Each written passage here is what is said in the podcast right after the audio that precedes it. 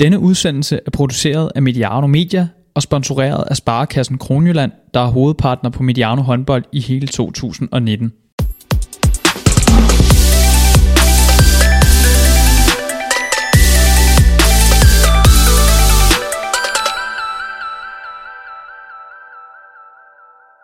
Velkommen til Mediano håndbold. Der står tre mænd her og smiler fra øre til øre. Mit navn er Peter Brygman, og jeg har lånt Jakob Grens øh, værtsstol eller værtsplacering herover på den her side af bordet. Jeg skal nok øh, love håndboldfolket, at jeg ikke skal til at klå, øh, gøre mig klog på håndbold. Med i studiet har jeg nemlig Jakob Grens selv, tidligere landsholdsspiller, tidligere spiller i GOG, AG København, Team Tvis Holstebro og Team Sydhavsøerne, blandt andet. Velkommen til, Jakob. Blandt, andet, ja. tak. Og så er der Oliver Jørgensen, træner i uh, TIK, Tostrup IK, uh, hvor du er akademitræner og træner træner i håndbold Region Øst, HRØ. Nu har jeg hørt din masse udsendelser i træk. Jeg skulle finde ud af, hvad, hvad HRØ var for noget, hvor du arbejder med de kommende landsholdsspillere. Kunne det være? Ja, det, det kunne det snilt være. Der gemmer sig et par stykker der. Det er spændende, og så ja. studerer du journalistik på, øh, på RUK. Øhm, nu skal jeg ikke bede jer sætte ord øh, på det første danske, eller det første øh, verdensmesterskab til Danmark i herrehåndbold, fordi det er, sådan, det, det er næsten svært at finde ord på, øh, på, på, på det, vi har været vidne til med de her 10 kampe. Men er I friske på at hjælpe lytterne frem med en masse perspektiv og analyser og kigge på, øh, på, på den her slutrunde? Ja, selvfølgelig. Meget, meget gerne. Også at vi i højere grad skal snakke sådan lidt håndboldhistorie end analysere, hvorfor Danmark vandt den her finale, fordi det var, det var, øh, det var næsten for overlegen til, at det blev rigtig spændende, så det var, sådan, det var bare ren, øh, ren begejstring. Man fik ikke helt, pulsen helt op i dag, vil jeg sige. Øh, jeg havde faktisk set nogle ting, som jeg tænkte, Norge godt kunne gøre bedre til den her kamp, men, øh, men det blev ikke ført ud i, øh, ført ud i livet, må man sige. Og der er sådan et eller andet, øh, Jacob, vi snakker om det her ude inden kampen, der er sådan lidt andet med, med man er sådan vendet til med de her håndboldoplevelser, at de er så tætte, de er så medrivende, og så når det er den rene klassepræstation, så har man ikke pulsen lige så højt oppe, og derved ser man måske ikke storheden. Nej, nej, nej, og nu har Danmark også øh, været i den modsatte rolle et par gange øh, i finaler, hvor det er dem, der har lagt øh, enden til en, øh, kæmpe røvfuld. Øh, og det er, det er bare en, øh, det er en lidt ærgerlig, ærgerlig afslutning, hvis man kigger med, med hvis man lige tager klaphatten af, men, men Danmark har bare været så overlegne i, uh, gennem hele turneringen, og ja, var det igen i finalen. Ja, altså, jeg sige, der, der var ikke de der, det har ikke været sådan en Hollywood-oplevelse øh, i den her slutrunde. Dertil har vi simpelthen været for gode. Og det, ja, i selve sådan dramaturgien. Ja, lige præcis. Ja. Altså, vi, øh, vi har ikke haft de der øh, kampe, hvor vi har været helt nede og ligge og havde dømt os selv ude, og så rejste vi os igen, som vi øh, har haft tidligere, øh, blandt andet i 12. Det var, det var, har bare været overlegen nærmest fra start til slut. Men den der med, at man savner dramaturgien, den gælder jo sådan os, os, øh, os dødelige. Sådan en håndboldmand som dig må vel finde den rene nydelse.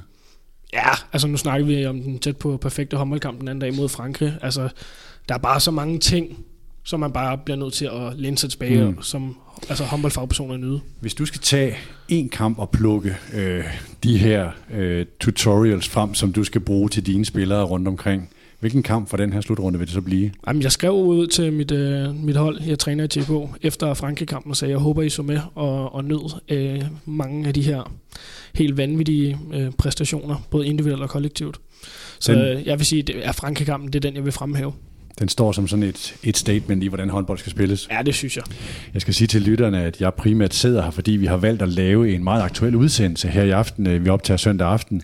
Der er legnet den store efteranalyse op her i Mediano håndbold. Det bliver på onsdag, tror jeg. Den er, den er, den er stadig på vej. Men med en VM-finale, så kunne vi ikke bare sidde og lade mikrofonerne være øh, slukket. Så jeg har flyttet ind fra fodboldlokalet ind ved siden af ind til håndboldstudiet her. Jeg håber, det går. Øh, tak til Jakob og Oliver, fordi I gider være med her en søndag aften. Også stor tak til Sparkassen Kronjylland, der ikke bare har haft en øh, rigtig fed fanzone i boksen i Herning, men også er partner på Mediano håndbold. De hjalp også i gang i 2018. Det var grunden til, at Mediano kunne lave et håndboldmedie, og det var grunden til, at Jakob og jeg i tidens morgen fandt hinanden. Uh, Sparkassen Kronjylland, det var også der Emil kom ind i billedet, Emil Halkær, som vi snart har tilbage. Sparkassen Kronjylland er partner i 2019 øh, også, og vi arbejder på at finde endnu en partner, så vi kan lave øh, sådan en ambition på en to-tre udsendelser om ugen, vil vi gerne, vil vi gerne sætte det op til. Øh, jeg skal sige, at Oliver øh, og, og Hersken og Simon Dahl og alle øh, andre er kommet gratis. Jeg ved ikke, hvor mange gange aftener og dage i løbet af januar, og nu lavet udsendelse nummer 14 er det, vi er i gang med, næste uge er nummer 15. Vi vil også gerne kunne give vores eksperter et fremmøde honorar, som vi kan gøre med de faste over i fodbolddelen. Det er også en ambition ved at kunne bygge medie ud. Nå, nok snakker om indledning. Den her finale, Uh, hvis vi lige sådan skal kigge på, og vi skal nok hen i første halvleg for at sige, hvor blev den her afgjort, og hvad var det, der afgjorde den, hvis man sammenligner også den kamp, som Danmark og Norge havde i indledende? Jamen, det gjorde den, da vi øh, ret tidligt i, i, i kampen øh, i løbet af første halvleg fik uh, stikket Sander Sargosen. Øhm, da han ligesom begyndte at blive, blive pillet lidt ned, og, og vi fik, øh, fik styr på, hvad det var for nogle individuelle ting, han kom med, så synes jeg ikke, de andre norske bagspillere havde så meget at byde på, og så, så, så havde vi overhånden du nåede ikke at blive nervøs. Altså Mikkel Hansen, han øh, scorer ikke på sin første mulighed, altså Gosen scorer på sin første, og der tænker man, okay, er det, er det, er det, er det vendt i forhold til den, øh, det første møde? Nej, det, nej det, jeg nåede, det gør jeg faktisk ikke, øh, fordi altså, for det første så var det så tidligt i kampen, for det andet så, altså, der var ikke på noget tidspunkt, hvor vi ikke lykkedes med de ting, vi lavede. Altså, vi kom frem til store chancer mm. hele tiden, og der, det virkede som om, der fra start til slut var ro omkring øh, øh, konceptet, så der var ikke noget slinger i valsen. Ja, og så bliver det også et kamp om at få lov til at styre tempoet i kampen øh, i starten, hvor at øh, Norge får presset øh, både på hurtig midten af Danmark score, men også øh, anden bølgen. Øh, men det får vi også sådan forholdsvis hurtigt lukket ned for, både kvæg suverænt øh, angrebsspil hele vejen igennem, og så lidt mere disciplineret øh, tilbageløb, og så selvfølgelig, som øh, Oliver siger, at vi får, at vi får øh, helt styr på Sargosen og får få lukket dem øh, til at lave alle deres øh, aktioner ind i banen, øh, hvilket vi havde fuldstændig styr på. Mm. Så altså, rent defensivt var det her måske den bedste kamp, som Danmark har spillet, og så krydret med nogle kæmpe redninger fra Landinas.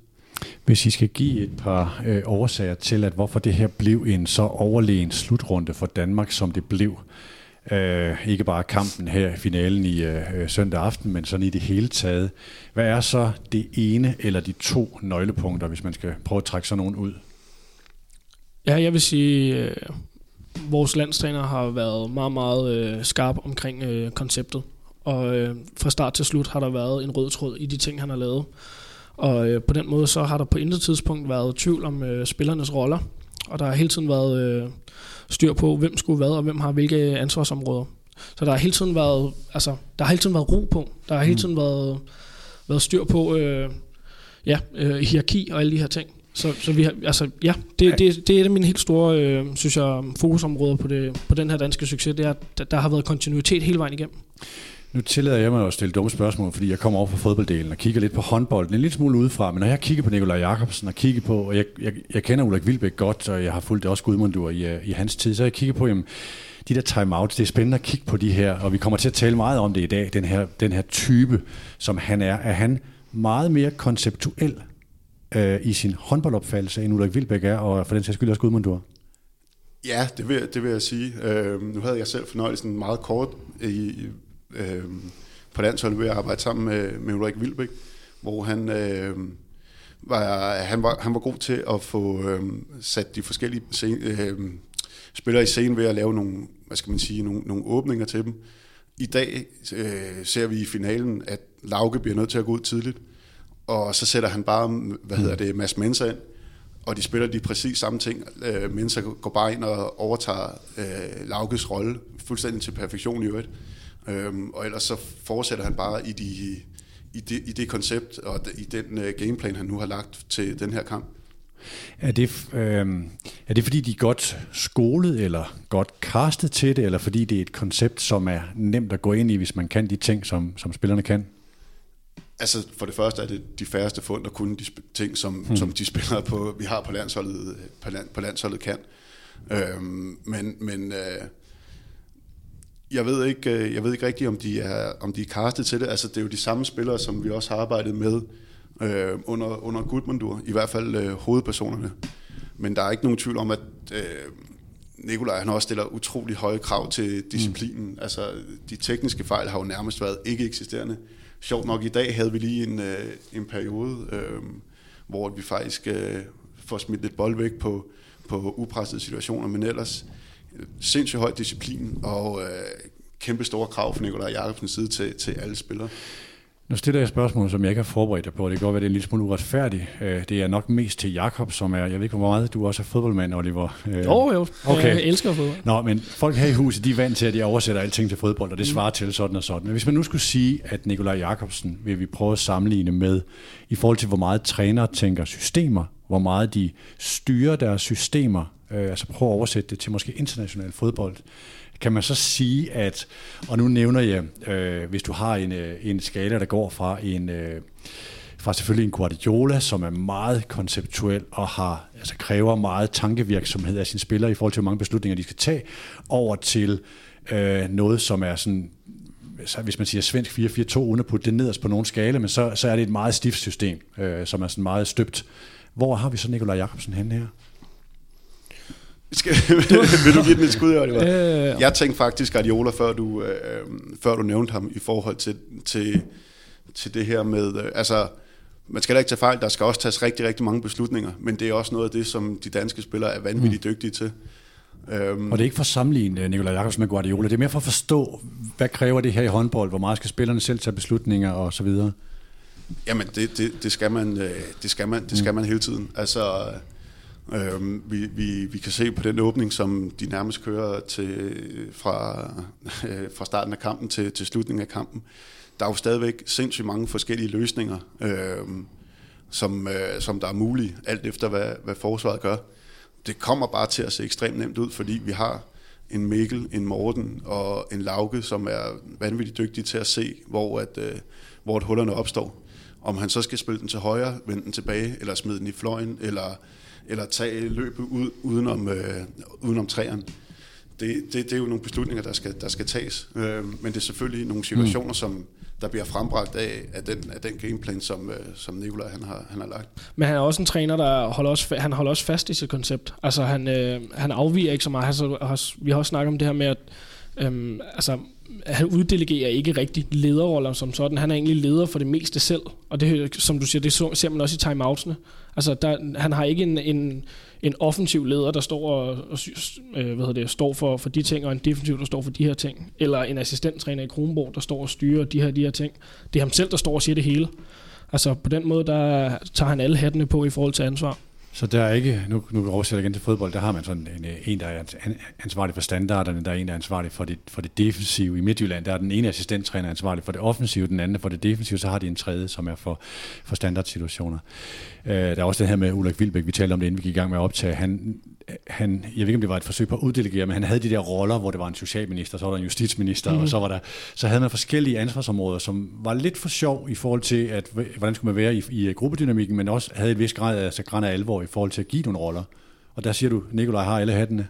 Ja, det vil jeg sige også, fordi øh, der er rigtig mange trænere, der godt kan lide det her med at give deres spillere øh, noget kreativ frihed i forhold til, hvad det er for nogle ting, der skal ske. Det har jeg slet ikke indtryk af, at Nikolaj Jakobsen er. Altså, tingene skal foregå inden for de rammer, han har sat op. Men der er en ting nu, at er vi langt nede i noget af det, som jeg, jeg, jeg egentlig skulle til at varedeklarere, hvad vi kommer til at tale om, men, men altså det er nemlig, øh, jeg er virkelig nysgerrig efter at vide, hvordan, uden at man skulle kravle ind i hovedet på, altså på, øh, på Mikkel Hansen, og hvordan er det at arbejde under forskellige trænere, så virker det som om, øh, jeg har sjældent set Mikkel Hansen være så nærværende i blikket i en timeout, som han er, når Nikolaj Jakobsen taler, versus at han er forholdsvis topstyrende øh, som træner virker det til, hvor jeg tænker, at en, der kan så meget som Mikkel Hansen, vil vel også godt have frihed. Så hvad er egentlig sandheden i forhold til kreativitet inden for rammer eller frihed? Forstår I spørgsmålet? Jamen altså, ja, det gør jeg. Og det, de, det er hele altså, fokusområdet, det ord, jeg vil putte på, det er autoritet. Mm. Han, der, han udstråler så meget autoritet. Nikolaj. Ja, Nikolaj ja, Jakobsen. Ja. Altså, han, de alle lytter på ham, og du, du, man tør ikke kigge væk. Altså, fordi du, du skal fandme være fokuseret på de ting, han står og siger, og det, og det kræver han af sine spillere. Han giver enormt meget af sig selv som træner, men han forventer også det samme af sine spillere. Mm. Men ja. en, en træner, der er så perfektionistisk, som Nikolaj er, og som i øvrigt også Mikkel Hansen er, han vil, han vil få respekt for sine spillere, øh, når, han går, når han går så meget ned i, øh, ned i detaljen. Øh, og det, det ved jeg også, at, at Mikkel han, han respekterer ham sindssygt meget for, for, for det arbejde, han laver, og så kan man også godt tåle at få en, øh, få en sviner en gang imellem, fordi... Øh, men Jakob, uden at du skal øh, kravle lidt i hovedet på Mikkel, eller, øh, men du, du, du, har, du har trænet under øh, Ulrik Vilbæk, du har haft Claus Brun som træner, øh, du har selv en, en, en spillertype i forhold til, hvordan, øh, hvordan vil, øh, vil de gerne have dig til at være, hvordan vil du gerne være. Du kender også Mikkel og spiller på hold med ham. Altså hvis du skulle sige, hvad er det, der er, altså hvad er det for nogle nøgler, de hver især har fundet her, Mikkel Hansen og Nikolaj Jakobsen?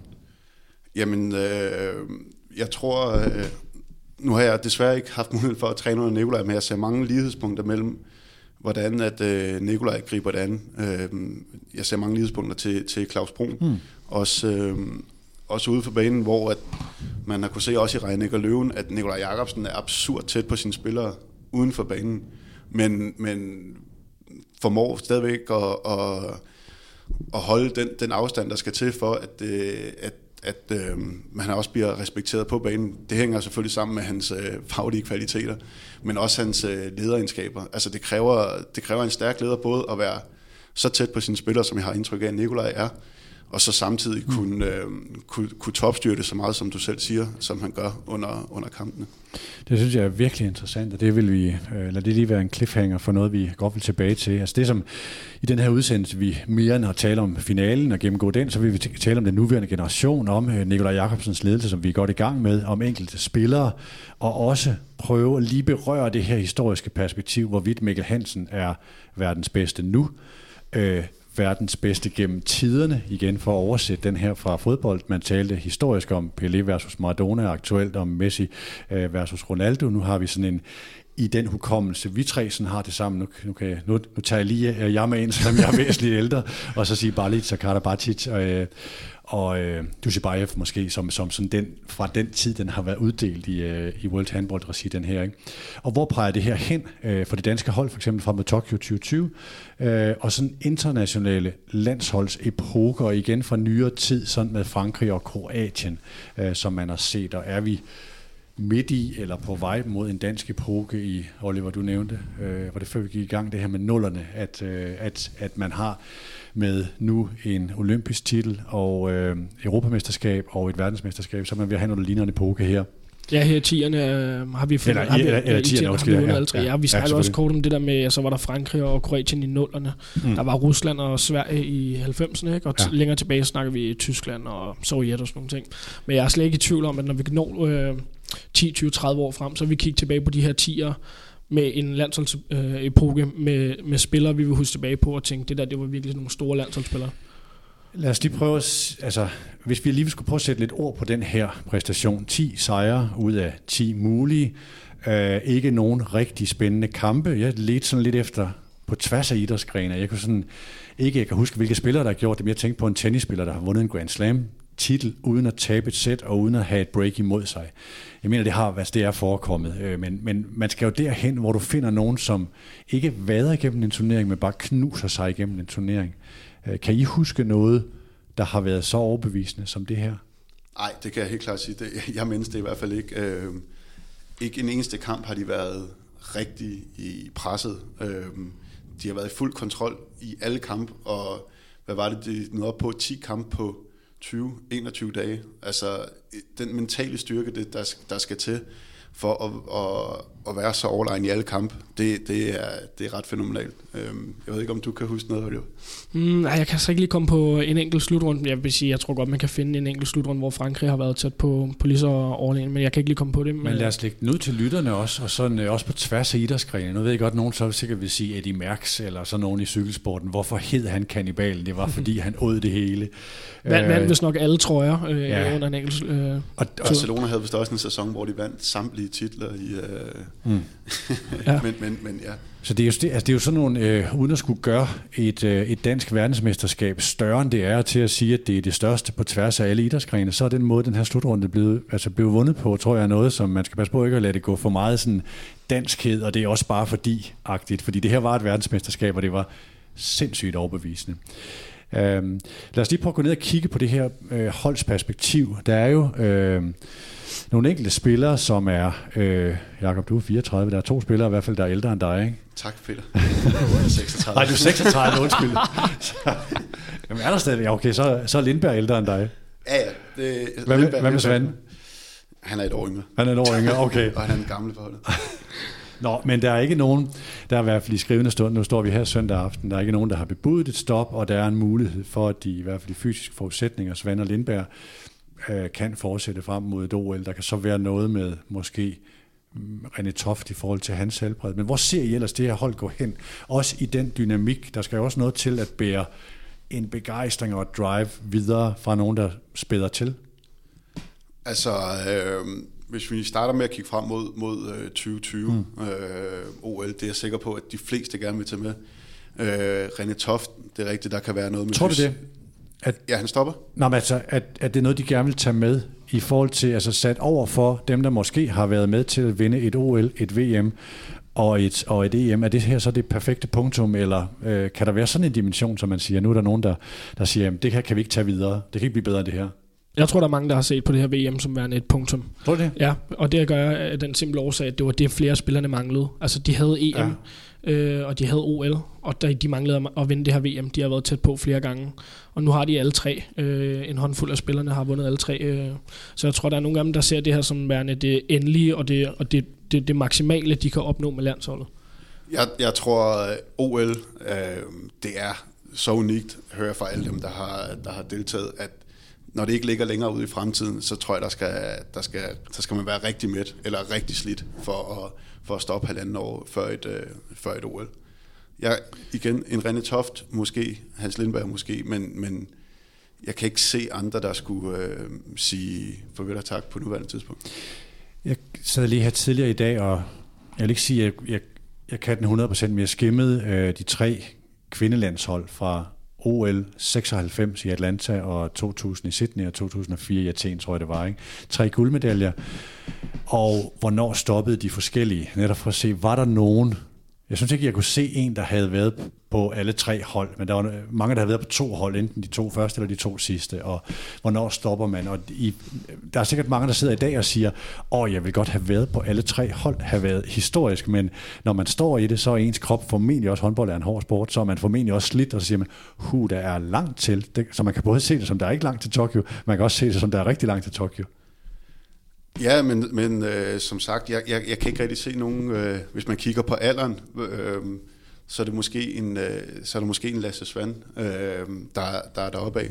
Men ellers så er det øh, over en bred kamp, og især på vores, øh, på vores helt afgørende spillere, det, det, de, de har et, de, de piker nu, lige nu i deres øh, karriere. Der er jo ikke nogen af dem, der, der skal til at lægge, øh, lægge øh, skoene på hylden. En Rasmus Lauke rykker øvrigt til, til øh, Ungarn og, mm. øh, og bliver sparet. Øh, Mikkel har fået styr på sit knæ, og der bliver passet rigtig godt på ham i, i Paris. Resten ligger på, øh, altså, så er der en øh, Møllegård måske. Jamen det var også bare, da jeg sagde punktum ved VM før, der mente jeg ikke nødvendigvis, at der er nogen, der siger, nu stopper jeg. Øh, måske René, øh, men jeg mente mere det der med, at nu kan man ligesom, nu kan man på en eller anden måde sige, jeg har gjort det hele. Mm. Altså, nu har, nu har jeg opnået det, jeg kan opnå med det her landshold. Og på den måde kan jeg tillade mig at sige, at jeg har sat et tilfredsstillende punktum for min landsholdskarriere. Ikke nødvendigvis stop nu, men være tilfreds med det, man har opnået. Ja, så du kan tage rene beslutninger. Har jeg lyst til at gå næste jeg, skridt? Jeg har ikke noget, jeg mangler. Nej. Lad os lige prøve at kigge på sådan en som Mikkel Hansen. Øh, 31 år, han øh, øh, siger selv det her med at have fået barn, og hvor meget det fylder i forhold til håndbolden. Han har... Øh, nu er det, altså hvis man kigger på de der verdens bedste håndboldspillere, øh, så er der den der med, øh, øh, Karabatic tror jeg har vundet den tre gange, øh, Barlic har vundet den to gange, øh, Dutjebaev har vundet den to gange i den tid, den var uddelt, og Mikkel Hansen to gange, øh, og vil formentlig komme på den tredje gang, må man næsten gå ud fra efter, efter det her. Så der er en dimension, jeg ved ikke, om det er kun os andre, der kigger på den slags, Jakob. Det ved du, du kender ham nok bedre end os andre i forhold til at sige, jamen, betyder historisk storhed noget? At du gør dig næsten udødelig, hvis du bliver den største håndboldspiller gennem tiderne, sådan uden diskussion? Åh, oh, nu skal jeg passe på med at snakke for ham, men, øh, men som jeg kender ham, så tror jeg ikke, han nu sidder og, og går op i, hvor, hvor, hvor han kommer til at stå i historien. Den tror jeg jo også er cementeret. Øhm, men, øh, men han er så agerig og, og, og ambitiøs. Øhm, så øh, jeg tror, det er mere, mere det, der fylder, fylder for ham. Øhm, nu har han også en Champions League, som han rigtig gerne vil vinde mm. i, øh, i år. Det, det er jeg ret sikker på. Der går ikke, øh, der går ikke mange uger før, at det er det, han kigger, kigger frem mod. Jeg tror ikke, han arbejder i, øh, med de perspektiver, okay. som jeg kender. Nå, det er hvis man kigger på, og nu undskyld til, til de sagsløse håndboldlytter, nu bliver der igen noget fodbold ind i det, ikke? men altså, hvis man kigger på en type som Zlatan Ibrahimovic, øh, han er exceptionelt bevidst om at skrive eftermæle, at skrive, at gøre sig udødelig. Det er Cristiano Ronaldo formentlig også, uden han har sagt det lige så eksplicit. Og Lionel Messi må også være det med den drivkraft, han har. Der har du nogle typer, som meget, mere, mere eller mindre eksplicit, er i, er i gang med at gøre sig udødelige og er bevidste om det. Og Mikkel virker som den der, nogle gange, altså det der flegmatiske ord, man putter på ham og sådan noget. Men jeg kan ikke finde ud af, om han er ligeglad, eller han virkelig har den drive på den del, eller han bare har en drive efter at blive god. Jeg tror, jeg tror, at det primære drive helt sikkert er at blive god, og, eller være god, og, og, og vinde titler. Øhm, ja, øh, han, er, han er en ultimativ øh, holdspiller, altså selvom han er så, så dygtig, som han er. Øh, som, øh, ja, han, han, går, han går efter, efter titler, og det kan jeg og ikke så meget efter personligheder Nej. eller, eller historieskrivning. Men når alt kommer til alt, så handler det jo også om titler. Altså det handler om, når han øh, skal lægge håndboldskoene på hylden på et eller andet tidspunkt, så skal han kigge øh, ind i pokalskabet og så sige, hvad har jeg egentlig opnået? Øhm, og nu kan han jo krydse alle tre ting, man kan opnå med et landshold. Øhm, han mangler stadig Champions League øh, på klubplan. Men han har også noget, jeg ved ikke, hvor meget han kigger på, det skal jeg slet ikke gøre mig klog på, men det er med, hvor mange landskampe når jeg. Når jeg noget målrekord på landsholdet og de her ting. Mm. Og altså, jeg tror simpelthen ikke, man kan lade være med, når man står i den situation, han gør, ikke at kigge mod nogle af de der ting, og så sige, kan, er det muligt at opnå? Prøv så lad os kigge på, hvad det er, der har gjort ham øh, ikke så god, men så god til den her slutrunde.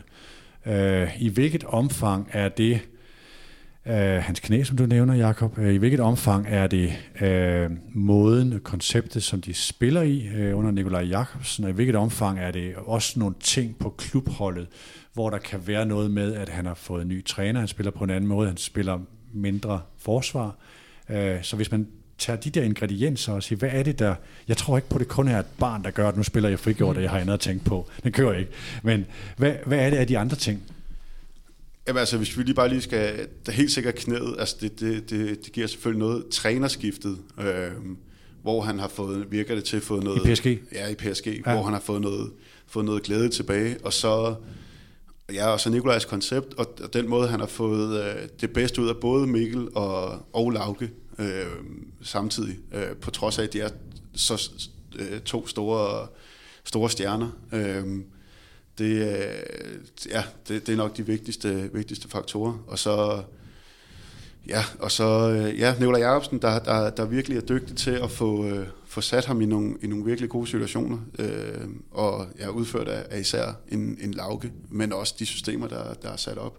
Og så i dag for eksempel fra en, øh, fra en højre bak, der, der, der passer ham virkelig, virkelig godt. Altså, han kommer selvfølgelig også næsten helt ind i midten, når han, når han starter sit, uh, sit pres, men, men, men uh, ja, en, en, uh, en sum af alle de faktorer, som, som du også selv nævner.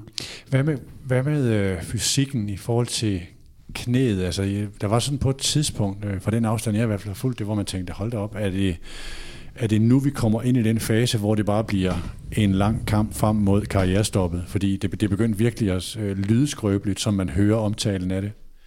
Ja, og jeg ved altså ikke særlig meget mere om det, end, end, end det, der også er blevet, øh, end det, der også er blevet skrevet. Jeg var da også, øh, jeg var da også lidt nervøs, men det så ikke ud til at hæmme ham specielt meget i, i den her slutrunde i hvert fald. Nej, der er jo blevet lavet en gameplan, både på klubplan og på landsholdsplan, mm. omkring øh, hvor meget han skal presses, og hvor meget han skal spille, og det er jo så specielt øh, hans defensive rolle, der er blevet nærmest fuldstændig negligeret nu. Enten skal han stå en fløj, eller også skal han slet ikke være på banen.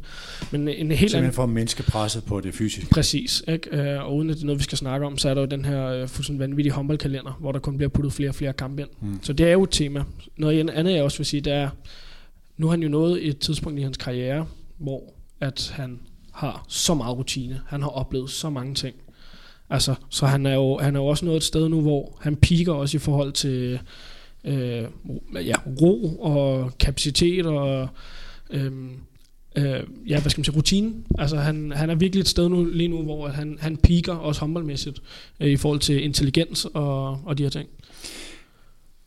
Nu, nu er det så fodboldmand, der, der spørger dumt, men altså en, en mand, der har spillet før den her slutrunde 13 slutrunder, og er 31 år, har været igennem et meget hårdt program, og på de højeste niveau, både, både landshold og klub, vil i mange andre idrætsgrene i den her alder være på vej mod øh, sådan en lidt anden position på banen. Fodboldspillere bliver rykket lidt længere tilbage og sådan noget. Altså, hvad er det med, altså Karabatic, hvornår vil I sige, han toppede, han er 34 nu, og er vel over sin top, er vi, er vi vel enige om, men er det, er det, sådan, er det den alder, der er typisk? sådan en 30-32 år for en, øh, for en top, når man har bygget det op, og man har, altså man kan tage de ting og tage de beslutninger og se spillet på den måde, som man kan. Ja, det vil man sige, og som håndboldspiller ikke slut 20'erne, start 30'erne, mm. det, det er ofte der, du, du piker øh, i forhold til din håndboldkarriere. Men jeg vil sige, jeg var også bange for med den knæskade, at han allerede vil være i far for at måtte trappe ned, øh, da han blev de der 8-29 år. Men der er hele den her situation i forhold til at få sparet ham øh, på den defensive del, har ligesom givet ham et, et nyt løft. Så jeg kunne sagtens forestille mig, at vi ser en Mikkel Hansen på det her niveau, som han har leveret nu i en 2-3-4 år frem. Ja, så er det jo ikke en mand, der lever af sin eksplosivitet. Altså, han, han lever på sine kloge bevægelser, og, øh, og så bare, han, han har et vanvittigt overblik og en, en ja, sindssyg skudteknik og, og afleveringsteknik.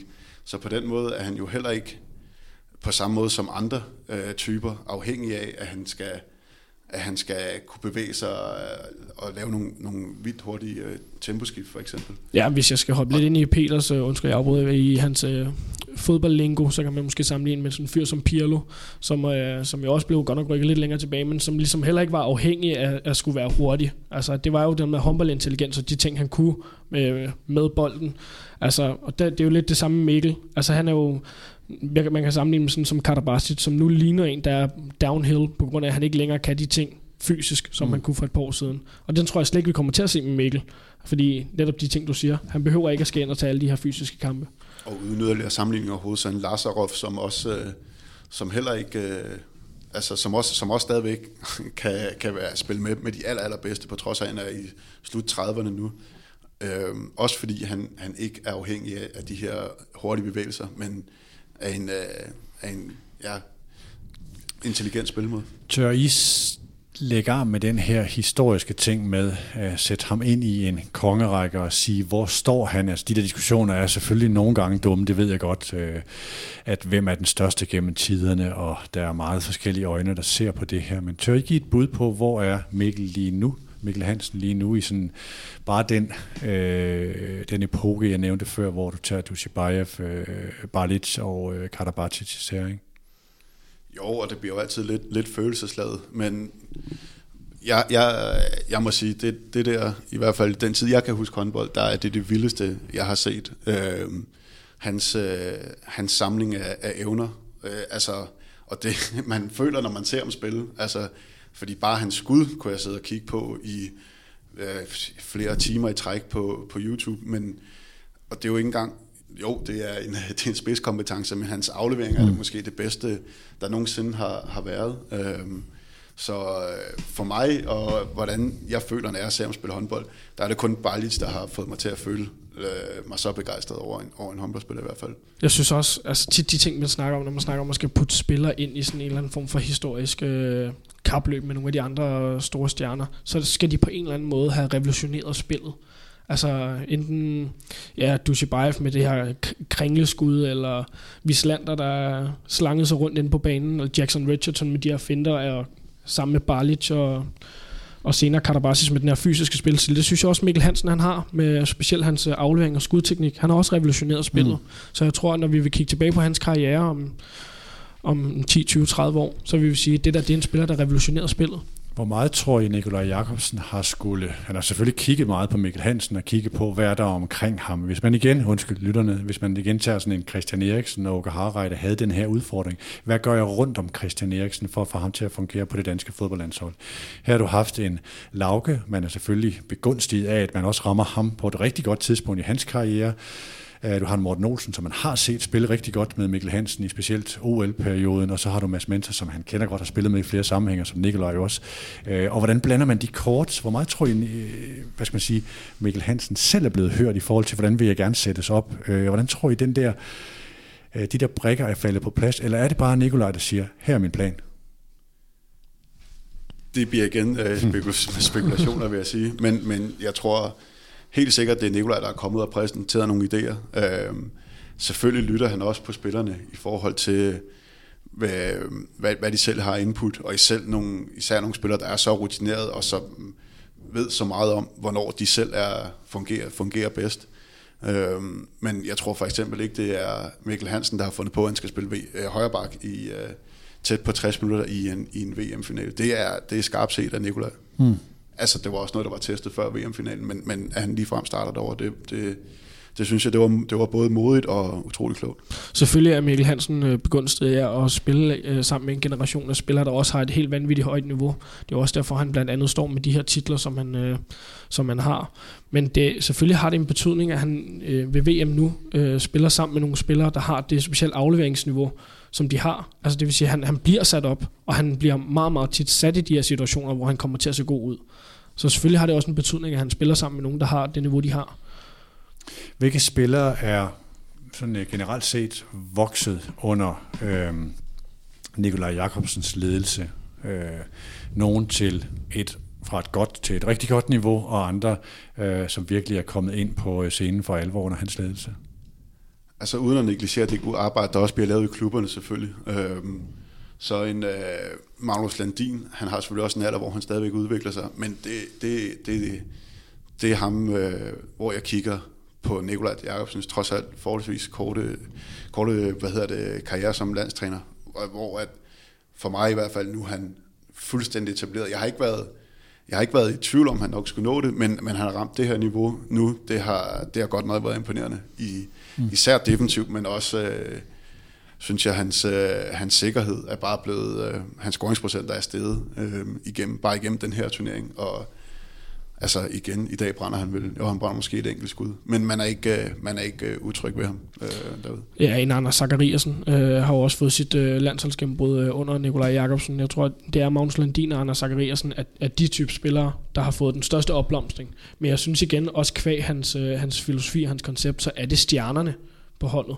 der også har rykket sig ja. det sidste skridt. Altså jeg synes, det er Niklas Landin, det er Mikkel Hansen, det er Rasmus Lauke, som har fået det mere ansvar og skal spille det bedre, som også har løftet det til et endnu, endnu højere niveau, end de her ja, i forvejen. fordi der er vel også et niveau der, hvis man siger, øh, fra international topklasse til renlivet verdensklasse. Ja, præcis. Eller øh, det gør det måske Mikkel Hansen, og så Rasmus Lauke er vel også på et oh, wow, det er så også et niveau, der kan noget det der. Og, og, men især det der med at få sat det sammen, fordi det, det ja. er der, hvor der har været nogle procenter at, at hente i, uh, i det, fordi de, de har begge to etableret verdensstjerner.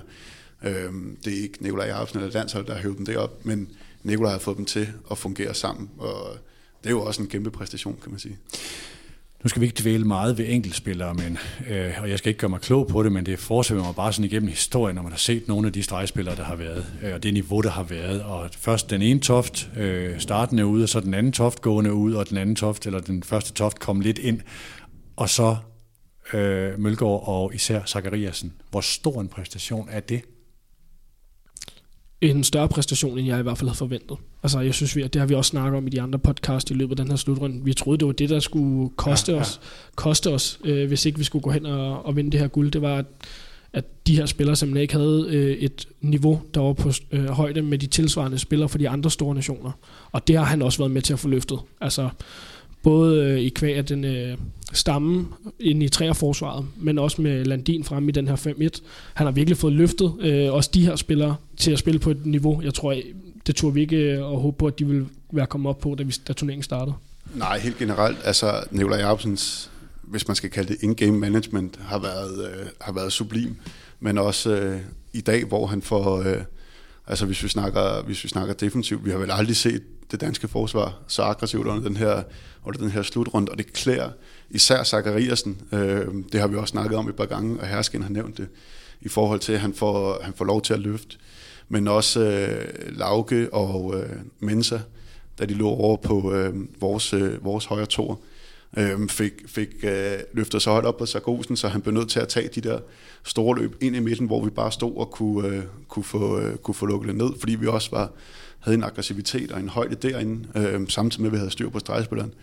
Øh, vi, vi har... Øh, ja, vi har, vi har snakket om, hvis, hvis vi skulle finde nogle huller, så har det måske været i... Øh, været defensivt, men i dag der var det en, en suveræn defensiv præstation. Selvfølgelig tager Niklas Landin også mere end hvad man kan forvente, men, men det var det var det var det var, det, var, det var klart den bedste defensive præstation også under slutrunden. Det jeg også efter mig ved, det er, at øh, vi har snakket så meget om det her med, at når han spiller efter det koncept, han gør, Nikolaj Jacobsen, at det er profilerne, der skal spille, og de skal spille det hele, så vil man ofte på bagkant af, hvad det så endte med, nu endte med guld, snakke om enten gal eller genial. Nu vil alle sige, Nikolaj Jacobsen, genialt, altså den måde, han får sat tingene sammen, at profilerne rammer et niveau, man nærmest ikke turde drømme om, at de gør. Altså Morten Olsen har spillet 53 minutter inden finalen. Mm. Øh, øh, Anders Zachariasen spiller jo sin bedste kampe, når vi når semifinalen og finalen. Altså, de, han rammer virkelig, han får virkelig de her spillere til at peak på de rigtige tidspunkter. Og hvis vi havde stået nu på bagkant, på bagkant uden en medalje, så tror jeg, man har kigget på den her ledelsestil og tænkt, hvorfor, hvorfor gjorde du det ikke anderledes? Du havde haft så mange muligheder. Ja, fordi han kørte forholdsvis smalt, som det hedder. Altså med at øh, hvor man tænkte, det er en hård turnering, det er en lang turnering, og man skal helst ikke toppe så hurtigt, som man synes Danmark gjorde. Man blev lidt nervøs på Danmarks vegne. Ja, og så, øh, som vi også har snakket om, men samt, de spiller mange minutter, men vi afvikler også kampene i, øh, i et forholdsvis, øh, forholdsvis lavt, lavt tempo. Så på den måde er der jo også... Øh, er det bevidst? Ja, ja, ja, det er jo bevidst, at de... Det, det ser meget bevidst ud, at de ikke løber kontra, men om det er for at spare spillere, eller simpelthen fordi man er så... Øh, har så stor tryghed til sit, øh, til sit angreb. Det kan også være, det, kan også være en blanding. Men, øh, men summa summarum er i hvert fald, det også har, har sparet nogle ressourcer, i hvert fald i forhold til, hvor meget vi har, vi har pisket op og ned af banen.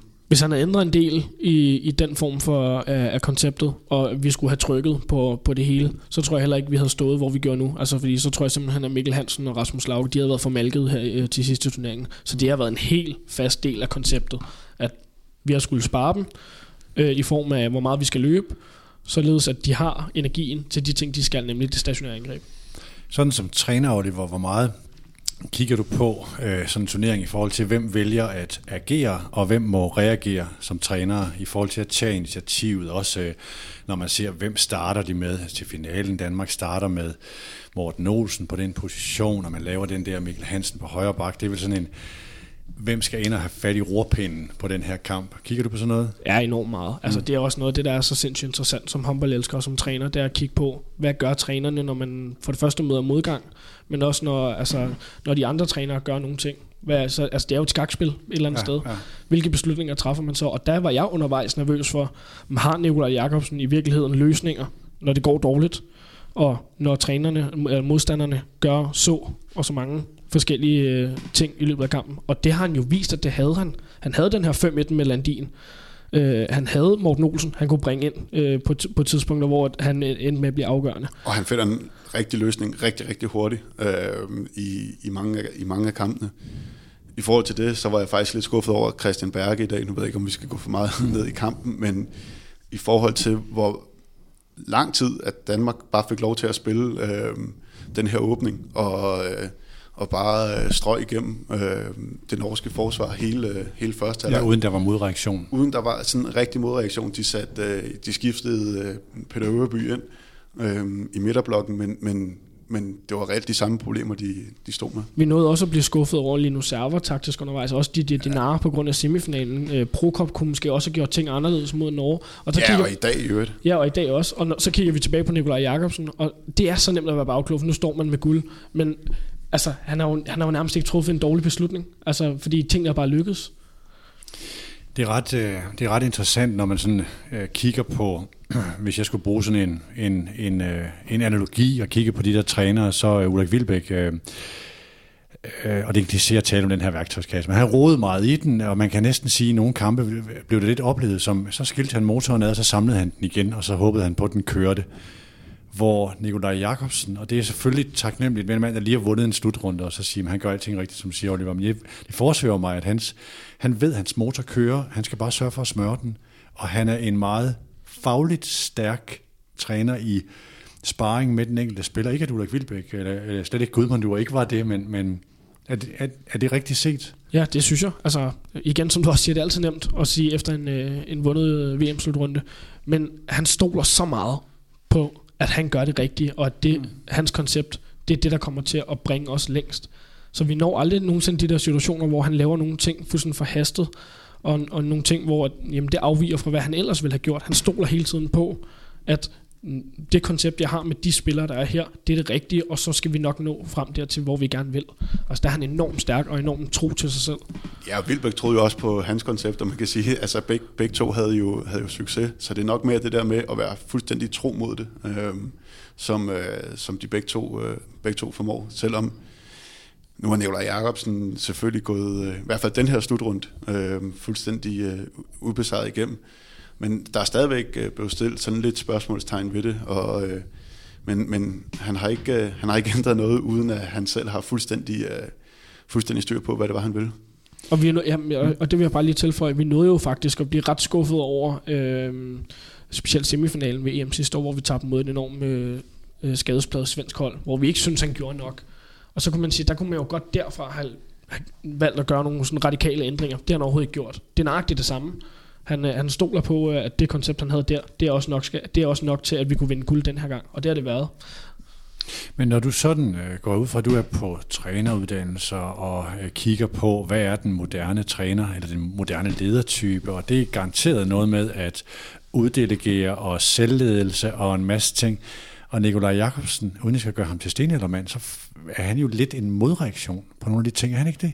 Han kommer meget med sin plan, hvor Øh, jeg ved ikke, om det var før vi begyndte at optage, jeg tror, vi talte om Bengan, af den her svenske generation, og du nævnte Magnus, øh, altså Magnus øh, Wislander og øh, den der slags før, hvor man hørte dem under timeouten. Spillerne var ekstremt uh, initiativrige og havde et meget stort ansvar, og han sådan stod lidt op, så ved og så sagde han et grønt sådan en gang imellem, ikke? og det var sådan, man tænkte, hold da op, det er moderne ledelse. Hvor Nikolaj jo egentlig står som sådan en topstyring, sådan en lidt old school træner, eller hvordan ser, det, ser man det? Jo, det, det er præcis sådan, jeg ser ham. Også fordi han står med nogle enormt store personligheder, i blandt andet Lauke og Mikkel Hansen, og også Landin. Så altså, jeg tror, at rigtig mange trænere, de vil, de vil måske sige, okay, hvad, hvad gør vi her? Og så kigge på sine spillere. Sådan er Nikolaj Jakobsen slet ikke. Altså, det tager han fuldstændig ansvaret for, og vælger at styre det helt øh, fra toppen. Og, og til overflod, så synes jeg jo, det er, og det, det er det ikke for at tale nogen præstation ned, jeg, altså, jeg, har, jeg har tværtimod vildt respekt for det, jeg har set, øh, men han gør det med spillere, som man må uden jeg kender nok til håndbolden, men jeg kunne, kunne gætte på, at det var nogle af de mest spilintelligente typer, der selv var i stand til at tage beslutninger. Ja, bestemt, men altså i og, i og med, at, øh, at det også viser sig, at det er, det er de rigtige beslutninger, altså de er jo, de er jo også enige i, øh, må man gå ud fra, at det ser også sådan ud, at, at det er de rigtige løsninger, og de, og de kan se nogle perspektiver i det. Og så er det jo også, øh, en ting er, hvordan man agerer under kampene. Øh, der er jo mange trænere, der er helt anderledes, når, når, øh, mm. når man så er på træningsbanen, hvor der er lidt mere tid. Og der, der, der er der formentlig masser af tid til at, at spare og komme med input fra spillerne. Lad os lige prøve til sidst at vende øh, All-Star-holdet. Det er noget lige at komme øh, og blive offentliggjort, inden vi trykkede play på den her udsendelse. Der var en MVP, som var Mikkel, Mikkel Hansen, og så var der to danske spillere på. Hvordan, hvordan ser I det hold? Har I store afvielser på det? Nej, nu skal man jo lige blive enige om, hvad, hvad kriterierne er for at være på, være på verdenshold. Jeg har aldrig forstået, hvorfor MVP'en han skal starte på bænken. Men, øh, men øh, nej, jeg har egentlig ikke de store indvendinger. Øh, var det Vide, sagde du, på øh, højre bak? Ja. Øh, det er den eneste, hvor man, øh, hvor man er lidt i tvivl. Øh, jeg havde... Øh, altså en Lazarov er jo oplagt i forhold til hans betydning for holdet og hans, og hans kvalitet, men noget de langt nok. Hvis man så skal op og kigge på nogen, der som minimum møder semifinalen, synes jeg, at øh, Magnus Rød er svær at komme udenom, selvom han øh, måske på grund af hans øh, skade, mm. i hvert fald ikke ramte, ramte det niveau, han ellers spillede på, faktisk fra præcis kampen efter Danmark, hvor han har været fuldstændig... Øh, altså, han har været afstændig, han har scoret 41 rene mål, mener jeg det var, inden finalen, og på en scoringsprocent, der ligger på omkring 67. Øh, for det første et, et kæmpe internationale gennembrud, og så bare den legekammerat som Sander, han, øh, han har brug for, hvis, øh, hvis Norge skal, skal vinde, en, øh, vinde en, en af de store finaler på et tidspunkt, tror jeg. Ja, Altså, jeg er meget enig. Og jeg vil sige, måske strege positionen, hvor Bjarne Myrhold er kommet på, kunne man også godt have diskuteret. Måske en Ludovic Fabregas eller en Janne Kohlbakker kunne have snedet sig ind der. Men jeg vil bare sige generelt... Så tager Kohlbakker spillet nok. Altså, der er igen det der. Ja, ja. Men ja, det var, min, det var lige min egen holdning der. Hvad hedder det? Nej, hvad hedder, jeg vil bare sige, i forhold til de her All-Star-hold, så synes jeg tit, det bliver kritiseret for at blive for politisk. Øhm, der synes jeg faktisk, at de har ramt rimelig godt den her gang hvem der egentlig også har været de bedste. Øhm, tit så har, vi, så har vi kigget på enkelte af de her All-Star-udtalelser, hvor man tænkte, det er, det er helt hen i vejret det der. Altså det, det, det, har jeg, det er fuldstændig skudt skævt af, hvordan de egentlig har leveret på banen. Det synes jeg, de har ramt nogenlunde på det her All-Star-hold. Det vil jeg faktisk også gerne rose dem for. Men uden at skulle, øh, eller med risiko for at øh, tage danskerkasketten på, så sige en slutrunde, hvor øh, Danmark vinder på en måde, som vi næsten ikke kan erindre. Nogen har været så overbevisende. Der er der, øh, der, er der øh, Mikkel Hansen øh, som MVP, og så er der Lauke og, og Niklas Landins øh, på, på det her All-Star-hold. Er det så for lidt, eller er det et udtryk for, at Danmark er den type vinder, hvor det er et kollektiv i større øh, højere grad, eller, og, et, og en træner med sit koncept, der vinder øh, mesterskabet? Eller hvordan skal vi se det?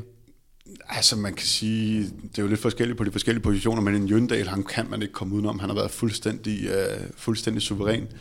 En Lasse Svand har haft nogle kampe, hvor han måske ikke lige uh, enten har fået, uh, fået uh, scoret på, på, på det procentantal, som man plejer, eller faktisk været holdt helt, helt ud af den, hvor en Solé, han også har været, altså, mm han har, de, de, de, har bare været, de har bare været bedre. Men så er der også rigtig mange af danskerne, der ligger lige i det andet lag, synes jeg. Øh, der er blevet roteret rigtig meget, meget på vores højre bak. Øh, så det er måske svært at pege på nogen der. En Zachariasen øh, må også være, være med i feltet omkring en, øh, en streg, en, øh, en, øh, en plads på, på stregen. Så, og så steder vi vel nærmest på resten. Ja, så vil jeg også sige, altså tre spillere er jo meget at have altså på et All-Star hold otte, otte positioner, der at have tre af dem, det er jo, det er jo, altså det er jo at have mange, men så vil jeg også sige, det er jo også fordi, det netop er de her tre, der er de helt store profiler, og dem, der skal spille 60 minutter hver gang, det er jo, det er jo Lauke og Mikkel Hansen og, og Landin. Ja, så havde vi nok også en fjerde, hvis der blev sat en træner på det hold. Ja, det kan man, ja, det kan man sige. Nu har jeg så stået her i 51 minutter og stillet halvdumme fodboldspørgsmål. Er der, er, der, er der nogle af de der, I har glædet jer til at komme ind med nogle rigtige håndboldanalyser, som I ikke har fået lov til at brænde af, så skal I næsten have lov til at sige, er der noget, vi ikke har været omkring af, af, af sådan væsentlige betragtninger? Åh, oh, nej, nu optager vi også på onsdag, så kan det være, at vi kan... Ja, prøv lige, prøv lige at sige lidt om det. Hvad er op på onsdag, Jacob?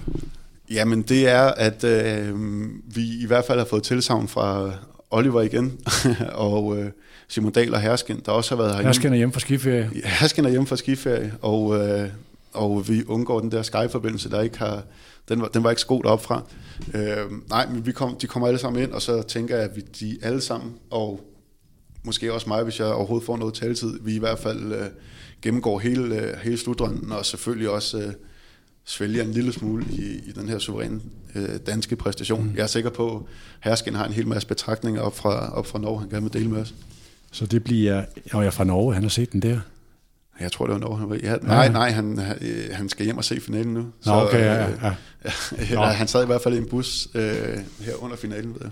Men det bliver så VM Special nummer 15, og det kan jo være, der kommer, hvis vi går ind i det der historiske, som jeg lidt har teaset for os i, kunne vi invitere Thomas Ladegaard måske en mere ind for at tale om det her danske hold igennem historien omkring poker og omkring øh, verdens bedste spiller igennem tiden, hvor man kunne øh, prøve at få sådan ja. lidt... Så bliver vi i hvert fald nødt til at dele op i to, fordi jeg var lidt i tvivl om, der overhovedet var nok taletid til alle, men øh, hvis Ladegaard også skal med, så... Ja, det skulle være en særlig udsendelse, det skal være en særlig udsendelse, hvor man tager ja, okay, det, altså. Thomas kan få sin helt egen udsendelse. Sige, fordi han snakker en time for sig selv. Jo. så tager vi ham ind alene. Når I skal tusind tak, fordi I vil komme ind søndag aften. Tak til, tak til Oliver Jørgensen. Tak til Jacob Gren. Tak til dig, Peter. Og tak, tak, ja, tak fordi jeg måtte låne, øh, låne håndboldudsendelsen. Det var skønt at blive øh, sådan lidt klogere på nogle af de spørgsmål, jeg har siddet med, når jeg har set kampen. Jeg har tænkt, det der kunne jeg godt tænke mig at vide. øh, så det har jeg fået lov til nu. Tusind tak for lån. De var marginalt bedre end min kærestes. Spørgsmål? Ja. Og det er godt. det, det vil jeg sige til hende. Jeg vil sige tak til Sparkassen Kronjylland, som er med på rejsen her i 2019. Også tak til dig, der har lyttet med.